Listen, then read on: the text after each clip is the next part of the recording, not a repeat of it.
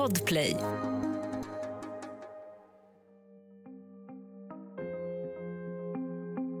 Det är flickor och kvinnor som faller offer för hedersvåld. Så är bilden i många år. Men när Abbas Rezai, 20 år, mördas och torteras av sin flickväns familj blir det en ögonöppnare. Hans död kan inget ändra på. Men Sara Mohammed tar på sig en viktig uppgift.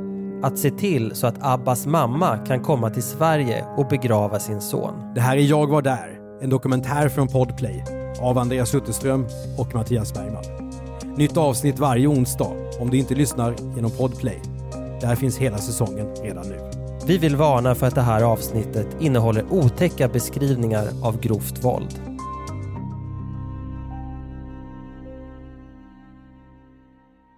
Jag heter Sara Mohammad och eh, vad jag gjorde 2005, eh, jag jobbade på apoteket, verksamhetsansvarig för GAP och eh, jag hade grundat organisationen innan 2005. Och vad står GAP för? GAP står för Glöm aldrig Pela och Fadime. Pela Atroshi och Fadime Shahindal, bägge offer för att de inte inordnade sig i hederskulturen. Pela var 19 år när hon mördades vid ett besök hos släkten i irakiska Kurdistan 1999. Fadime var själv engagerad i frågan om hedersvåld och mördades 2002 av sin egen far efter att i hans ögon ha vanhedrat släkten. Pela och Fadime har båda ristat in sig i svensk nutidshistoria och en av dem som sett till att deras minne lever är Sara Mohammad. Och ditt eget engagemang i den här frågan, var kommer det ifrån? Min drivkraft kommer från en dag i mitt liv när jag var 17 år. Rymde från bröllopsfesten. Eh, eller eh, våldtäktsceremonin som skulle ske på kvällen. Och lovade jag mig, om jag skulle överleva den här gången, kommer jag kämpa för flickors rättigheter i hela mitt liv. Sara Mohammad kommer som politisk flykting till Sverige 1993, dödshotad av sin bror. Hon startar ett nytt liv i vad som kallas världens mest jämställda land. Men Sara Mohammad upptäcker att hederskulturen som hon flytt från också finns i Sverige. Och den har hon vigt sitt liv åt att bekämpa.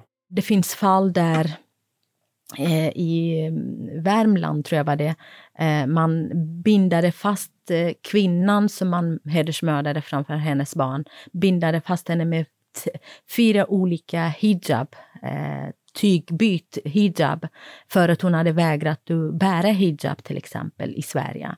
Eh, det finns fall man hade eh, tagit ur ögat, eh, eh öronen, eh, läpparna. Så det finns ju många olika mm. fall där man känner igen symboliken, att det här handlar om min heder. Du har kränkt min heder och du måste bli också kränkt även vid på det värsta, grymmaste sättet. Och sen också en signal till flickor, till kvinnor, även till pojkar att de kan ha samma öde om de inte lyder hederskulturens normer och värderingar. Heder, sharaf, namus. Orden växlar, men det handlar om att närstående begränsar en sätt att leva för att vårda familjens heder. Unga bevakas och kontrolleras av släktingar, hindras från att träffa vänner, finnas i sociala medier eller klä sig som de vill och inte minst att bli kära i och ha sex med den de vill. Sara Mohammad grundar riksorganisationen Glöm aldrig Pela och Fadime år 2001. Fyra år senare får hon höra namnet Abbas Rezai. En 20-årig kille och ett nytt namn på den svarta listan över människor i Sverige som fallit offer för hedersvåld. Jag kommer ihåg att när jag läste om det här mordet så var det en total ögonöppnare för mig, lite naivt kanske, men att hedersrelaterat våld kan drabba pojkar och män. Eh, du var inte naiv. Det var så i det svenska samhället. Tyvärr, det är fortfarande eh, många som inte vet att eh, även drabbar killar, men kanske vet mer om det, men inte vet i vilken utsträckning det är. Det handlade bara om kvinnor och eh, flickor och gärna flickor under 18 år eller eh, flickor som, eh, som hade kontakt med skolpersonalen och berättade för skolpersonalen och inte flickor som hade eh, svårt hemma. Det fanns inte någon uppsökande verksamhet på det sättet som det finns idag, alltså informationskampanjer till exempel och eh, uppmärksamhet mer i media till exempel eh, och även olika organisationer. 2005 har Abbas Rezai varit i Sverige i två år och bor i Kåge i norra Västerbotten. På nätet träffar han en tjej som bor i Högsby, en liten ort i Småland. Liksom Abbas kommer hon från en afghansk familj och de två blir störtförälskade. Flickan reser de 88 milen till Västerbotten för att hälsa på Abbas. De var så gulliga mot varandra, berättar Abbas vän senare för Expressen. Det fanns tecken hos socialtjänsten, orosanmälan. Det fanns, polisen hade blivit eh, påkallad till när mamman hade varit på plats och letat efter Abbas. De hade inte dokumenterat någonting bland annat. Det fanns så många tecken som möjligt. Jag brukar säga i mina, under mina föreläsningar, hade jag fått veta om det här innan hade vi absolut Abbas levande idag. Då hade jag tagit saken i mina händer och skyddat Abbas.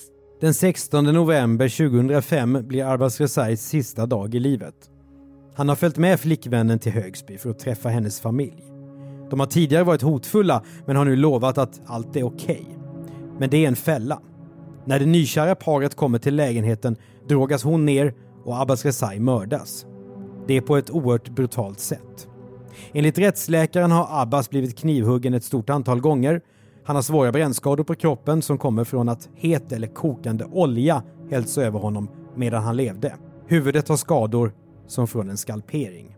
Det kändes att, att nu svenska samhället förstår mer att det här hederskulturen drabbar både kvinnor och män. Självklart att män är både våldsutövare men också offer. Det bidrog till att fler öppnade ögonen för att även killar som blir utsatta för hedersvåld. Mordet får stor uppmärksamhet i medierna. När journalister intervjuar poliser och personer i både KG och Högsby är slutsatsen snabb och tydlig. Detta är ett hedersmord. Abbas och flickans kärlek blev hans död. Ett poddtips från Podplay. I fallen jag aldrig glömmer djupdyker Hasse Aro i arbetet bakom några av Sveriges mest uppseendeväckande brottsutredningar. Går vi in med hemlig telefonavlyssning och, och då upplever vi att vi får en total förändring av hans beteende. Vad är det som händer nu? Vem är det som läcker? Och så säger han att jag är kriminell, jag har varit kriminell i hela mitt liv men att mörda ett barn, där går min gräns. Nya säsongen av Fallen jag aldrig glömmer på Podplay. Mordet skakar Sverige. Hur kunde det här hända? Trots alla varningssignaler. Medborgare, krönikörer, poliser och experter uttrycker chock och sorg i medierna. Sara Mohammad går på en minnesstund för Abbas i Stockholmsförorten Husby. Vad minns du från den minnesstunden? Eh, vad jag minns var fler faktiskt eh, män och kvinnor som kom dit var från Iran och Afghanistan. Det var fler av dem som var asylsökande. Sara Mohammad träffar nu en släkting till Abbas som uppmanar henne att ta kontakt med hans mamma, Fateme. Hon har skickat sin son till ett tryggt land, ett fritt land och han blir mördad eh, för kärleken. Abbas Rezais mamma befinner sig i Iran dit hon flytt från Afghanistan. När jag ringde henne då ville jag gärna eh, beklaga sörjan i första hand. Mm. Eh, jag ville också fråga henne om hon är intresserad att komma och begrava sin son, vara med på begravningen. Eh, jag ville också fråga henne om hon skulle vilja medverka, vara med i rättegången. Eh, men hon ville definitivt inte ha Abbas lik i Iran. Hon sa att vi har flytt från eh, Afghanistan. Eh, vi är också diskriminerade här. Det är inte värt att Abbas ska begravas här. Vad, vad mynnar det här samtalet ut i sen då? Jag lovade henne att göra allt vad jag kan för att hjälpa henne att komma till Sverige. Och jag bad henne också att hon ska eh, snarast möjligt att hon ska ansöka hos eh, hos eh, svenska ambassaden att ansöka om visum. Men eh, jag tyckte ändå att det här är hjärtskärande. Hur kan en mamma inte kunna och begrava sin son i Sverige? Vad jag hörde senare att, att eh, hans pappa har blivit mördad, hans bror har blivit mördad av talibaner i Afghanistan. Så en syster hade försvunnit. Eh, så det var ju tragiskt på många olika sätt. I lägenheten där mordet skett befann sig förutom Abbas och hans flickvän också hennes föräldrar och 17-årige bror. Hela familjen häktas, men brodern tar genast på sig skulden för det brutala mordet. Samtidigt har Sara Mohammad beslutat sig för att Abbas mamma ska få chans till ett avslut. Jag ringde till Amnesty, kommer jag ihåg. Jag ringde till Röda Korset, jag ringde till Rädda Barnen. Jag ringde till många olika organisationer och de sa bara Sara, glöm det. Det är omöjligt att kunna lyckas och få visum för en person som kommer från Afghanistan eller vissa länder för att då Migrationsverket direkt tänker att eh, hon kommer att stanna här. Vi fick exakt samma svar från Migrationsverket att de kan inte bevilja visum för att hon kan ansöka om asyl i Sverige. Men myndigheterna vet inte vilken kämpe de pratar med. Då min drivkraft blev ännu starkare. Då sa jag till, även till Migrationsverket att om hon vill komma och stanna här, jag kommer absolut göra allt vad jag kan för att hjälpa henne för asylprocessen. Men hennes önskan är att komma och begrava sin son. Sara Mohammad ringer åklagaren och går debattvägen genom medierna. En namninsamling startas. Abbas mamma mår mycket dåligt och intervjuas i kvällstidningarna. En före detta invandrarminister uttalar sitt stöd för henne. Sara Mohammads organisation samlar in pengar till mammans resa och efter två månader är situationen löst. Abbas mamma Fateme Kavari kan landa i Sverige för att begrava sin son. Under tiden bor hon hemma hos Sara Mohammad.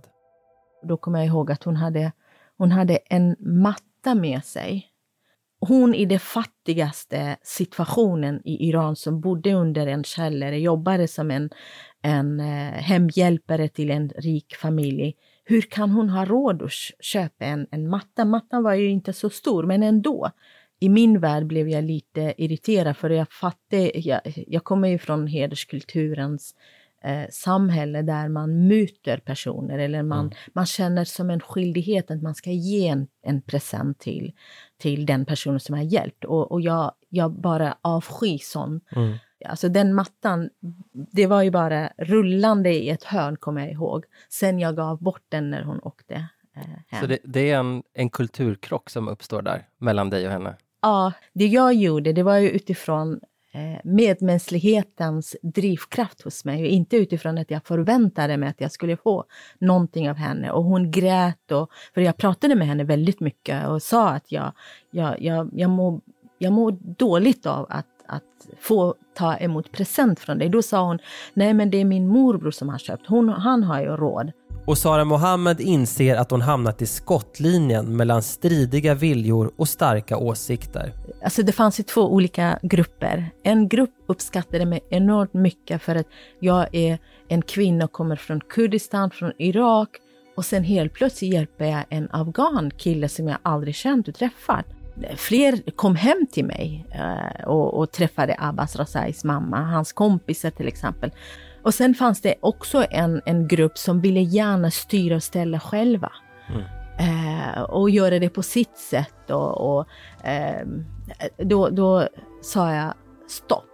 Men de ville gärna kämpa för att det skulle bli en religiös ceremoni. Då sa jag nej, jag har kommit överens med Abbas mamma, ingen annan ska lägga sig i det här. Mm. Och det kommer jag ihåg. Och då också försökte de trycka ner mig som kvinna. Vem är hon som ska bestämma? Det var ju jättechock för dem att, att jag var så stark och, och sa emot. Nej, det får ni inte. Dagen före begravningen får Abbas mamma se sin son för första gången efter ankomsten till Sverige. Jag kommer ihåg när vi åkte till kapellet och fick eh, träffa Abbas eh, lik för första gången med mamman, då eh, det var, hjärtat krossade tusen bitar. När jag såg att Abbas mamma försöker att leta efter under eh, tygpåsen, leta efter hans fingrar och hans händer och eh, ansiktet och känner på hans kropp kroppsdelar. Det, det, var, det är fortfarande känsligt när jag kommer tänka tillbaka på, på den, det mötet. Eh, Abbas Rezais begravning äger rum i ABF-huset i Stockholm en vintrig februari-lördag 2006 med fem minusgrader. Det är ett farväl utan religiösa inslag. Berätta vad du minns från begravningen. Då hade vi samlat flera hundra personer. Och det var ju också första gången för mig att vara med på en sån begravningsceremoni. Då kommer jag ihåg att folk frågade, eh, frågade vad, vad, vi ska ha för kläder på oss. Jag kommer ihåg att eh, Birgitta Olsson var där, Lars Olli var där. Höll du något tal under den här ceremonin? Ja, jag brukar ju, om jag ska vara helt ärlig, jag kommer inte ihåg exakt, men jag kommer ihåg att jag berättade i mitt tal att jag har haft precis eh, samtal med eh, Abbas Rosais dåvarande fästmö. Och att hon har hälsning till Abbas mamma. Att hon eh, hade inte makten och att hon eh, kunde inte stoppa det här och att hon beklaga sörjan för mamman. Och då mm. blev det väldigt tryggt eh, känslomässigt. Och hur känslomässigt är det här för dig? Går du in i någon slags yrkesroll här? Eller är det väldigt känslomässigt? Jag tror att jag har jobbat så länge med de här frågorna och träffat utsatta och hört olika historier och berättelser. Eh, jag kan gå in i olika roller eh, under samma dag, under samma timme. Vid sin sons kista utropar Fatemeh Shabari. Abbas min pojke. Det var till ditt bröllop jag skulle resa. Inte det här. Eh, och då var jag också med på begra själva begravningen på kyrkogården. Då mm. tog jag hand om mamman och då mamma svimmade. Mm. Eh, ambulansen kom och jag var den som var med mamman. Mm. Eh, hon eh, mådde jätte, jättedåligt. Jag har inget svar på frågan hur man kan hata någon så mycket så att man tillfogar någon 78 skador, knivhugg, kokande olja. Han är nästan skalperad. Det tar ju aldrig slut. Har du något svar på den frågan? Det är väldigt, väldigt svårt att svara på hur grym är hederskulturen? Hur just eh, heder i den negativa definitionen, det som är direkt koppling till kvinnans kön och sexualitet, som har direkt nyckel till mäns anseende eh, mot kollektivet. Eh, och att eh, det finns också uttryck att Gud är stor, men heden är större. Poddtips från Podplay. I podden Något Kaiko garanterar östgötarna Brutti och jag, Davva, dig en stor dos skratt. Där följer jag pladask för köttätandet igen. Man är lite som en jävla vampyr. Man har fått lite blodsmak och då måste man ha mer. Udda spaningar, fängslande anekdoter och en och annan arg rant. Jag måste ha mitt kaffe på morgonen för annars är jag ingen trevlig människa. Då är du ingen trevlig människa, punkt. Något Kaiko, hör du på Podplay. Därför är I mars 2006 startar rättegången i Kalmar tingsrätt. Pappan, mamman och sonen i flickvännens familj är åtalade för mordet på Abbas. Sara Mohammad fungerar som en tolkande länk mellan mamman och målsägarbiträdet, advokaten som för hennes talan i rätten. Vad minns du från rättegången i tingsrätten? Vad jag minns är Abbas Razais mammas starka ord. Eh, att de har avrättat honom eh, tre gånger. En gång med kokande olja. En gång med kniv på hans, i hans hjärta och eh, skära bort hans finger och en gång med batong på huvudet. Att hon ville gärna ha rättvisa. I rätten säger mamman det känns som om jag själv svalt oljan, som om det är jag som är slagen och knivhuggen. I Abbas Rezais mammas värld, vad är rättvisa där?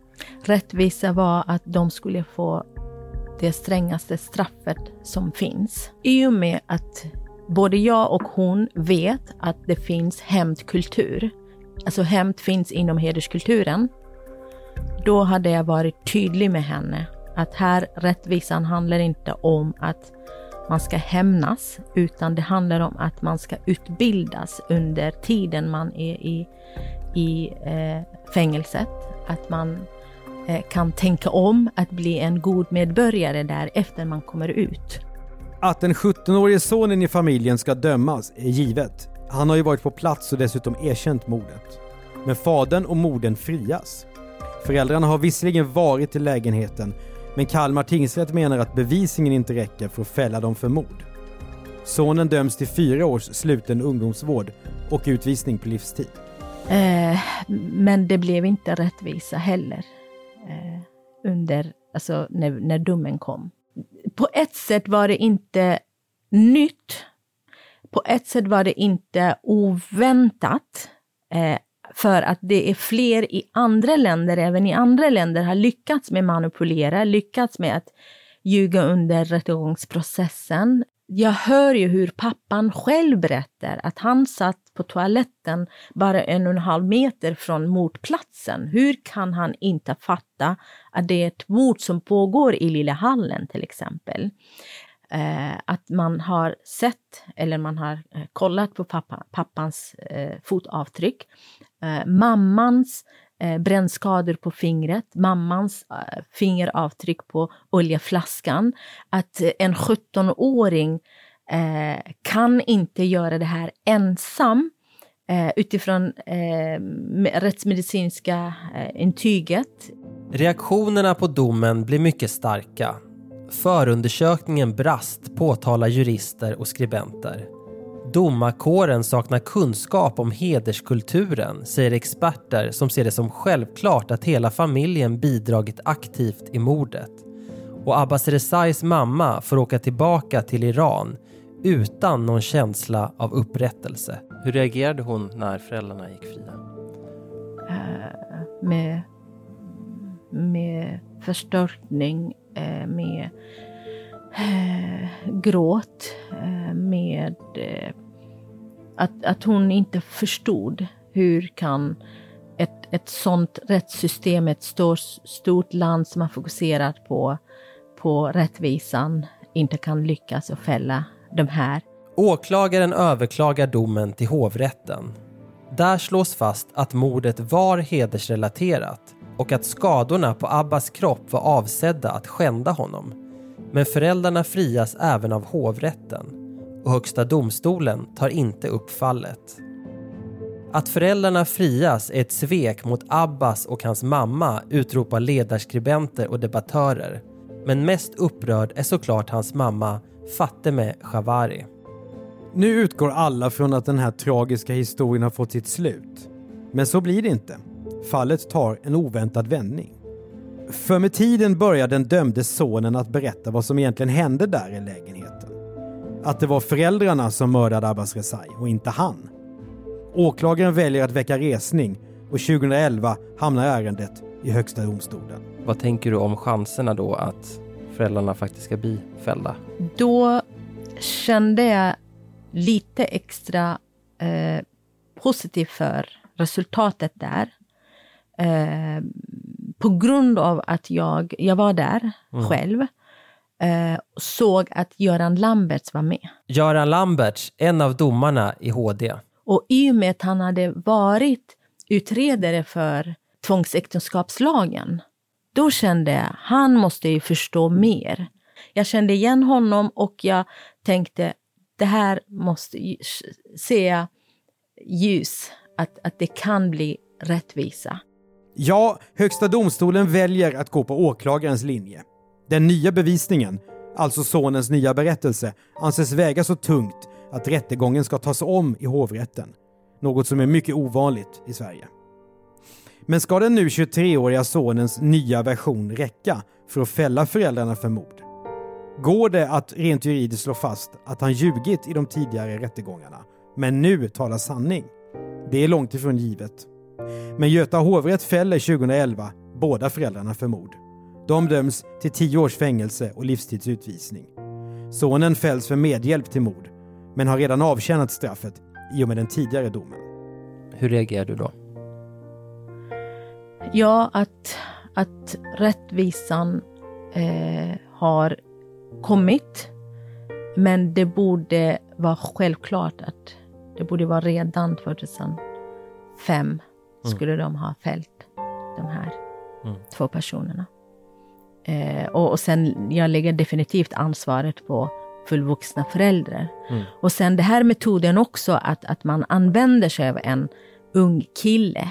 Det är också ett vanligt för, företeelse i, eh, i Tyskland har skett, i Danmark har skett, i England har skett, i flera olika länder. Så det är inte något nytt heller. Men är det inte åklagarna som är för dåliga på att... Ligger inte det på dem, tycker du? Att de ska bli bättre på att förklara hur, det här, hur hederskulturen fungerar?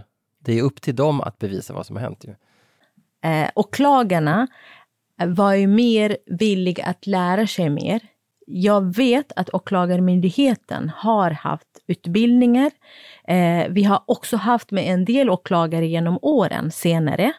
Eh, och att de har, eh, vissa av dem har förstått, vissa av dem vill gärna förstå mer. Men det som vi ser eh, i domarna, eh, ibland blir vi helt chockade över vad domen blir, trots att eh, åklagaren har faktiskt förberett mycket väl. Abbas mamma lyckas inte ta sig till Sverige i tid för att vara med under den nya rättegången. Men hon kan besöka sonens grav med en känsla av att han till slut fick upprättelse. Eh, Jag frågade henne om hon vill stanna i Sverige, om hon vill söka asyl i Sverige. Då svarade hon ja.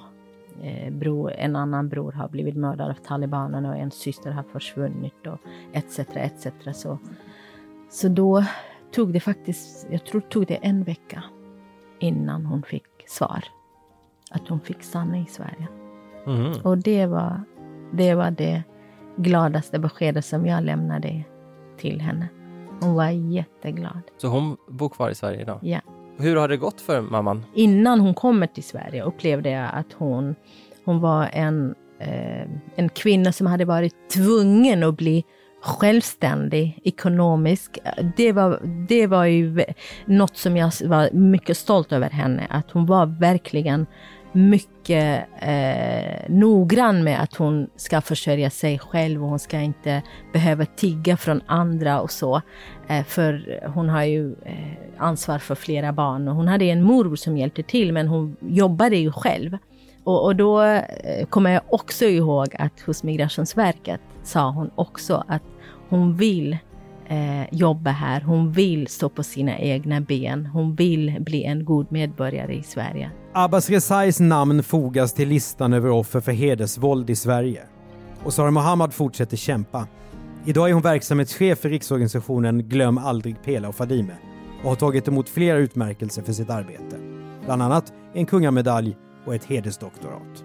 Det här är ju ändå snart 20 år sedan. Är man bättre rustade generellt, tror du? Om det här landar på socialtjänstens bord någonstans i Sverige? Jag tror inte att de skulle hantera ett sådant fall med så många tydliga tecken på eh, risker på samma sätt idag. Det finns olika verksamheter som jobbar med eh, killars utsatthet. Det finns också information om att det är även killar som är utsatta. Men det är inte eh, tillräckligt. Det är långt ifrån tillräckligt. Alltså även de myndigheter som jobbar med själva frågan får uppdrag från regeringen. Det finns fortfarande myndigheter och organisationer som inte vill erkänna mekanismer bakom hedersrelaterad våld och förtryck. Det gör verkligen ont i hjärtat när jag hör politiker eller myndighetspersoner eh, pratar om vi ska vara försiktiga för rasismen, vi ska vara försiktiga för islamofobi etc. etc. Vi måste fokusera på vad den utsatta har utsatts för. Vi måste ha offerperspektivet. Vad ska man göra som enskild person om man vill engagera sig men inte riktigt vet hur? Det finns ju flera olika metoder att engagera sig. Bli gärna medlem i GAPF eller i en annan organisation som man har bra relation med, som man vet att de verkligen har offerperspektivet och jobbar mot hederskulturen och, och stöttar hedersrelaterad våld utsatta personer. Vi har utbildat minst 100 stödpersoner. De hjälper oss på ideell basis. Eh, skriv gärna brev till politiker på kommun, kommunalt nivå. Skriv brev till, till eh, journalister, eh, till riksdagsledamöter, enskilda individer. Var och en av oss i din roll som läkare, i din roll som lärare, i din roll som socialsekreterare, i din roll som polis. Sätt fokus på individens utsatthet. Du kan Tänk att du kan verkligen rädda ett liv. Du har hört Jag var där, en dokumentär från Podplay av Andreas Utterström och Mattias Bergman. För Podplay producerar vi även Misslyckade brott och följ också Commercial Content, en byrå för företagspoddar i sociala medier. Exekutiv producent Oliver Bergman. Tipsa gärna om andra fall som du skulle vilja höra om Jag var där till jagvardar.bplus.se. Prenumerera och betygsätt gärna podden i din poddspelare så är det fler som hittar till den. Ett nytt avsnitt av Jag var där kommer varje onsdag. Om du inte lyssnar genom Podplay, där finns hela säsongen redan nu.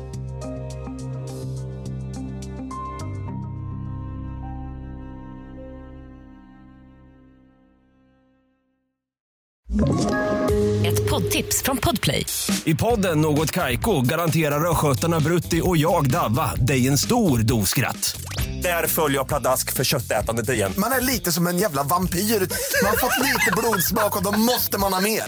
Udda spaningar, fängslande anekdoter och en och annan arg rant. Jag måste ha mitt kaffe på morgonen för annars är jag ingen trevlig människa. Då är du ingen trevlig människa, punkt. Något Kaiko, hör du på Podplay. Därför arkadeinerna.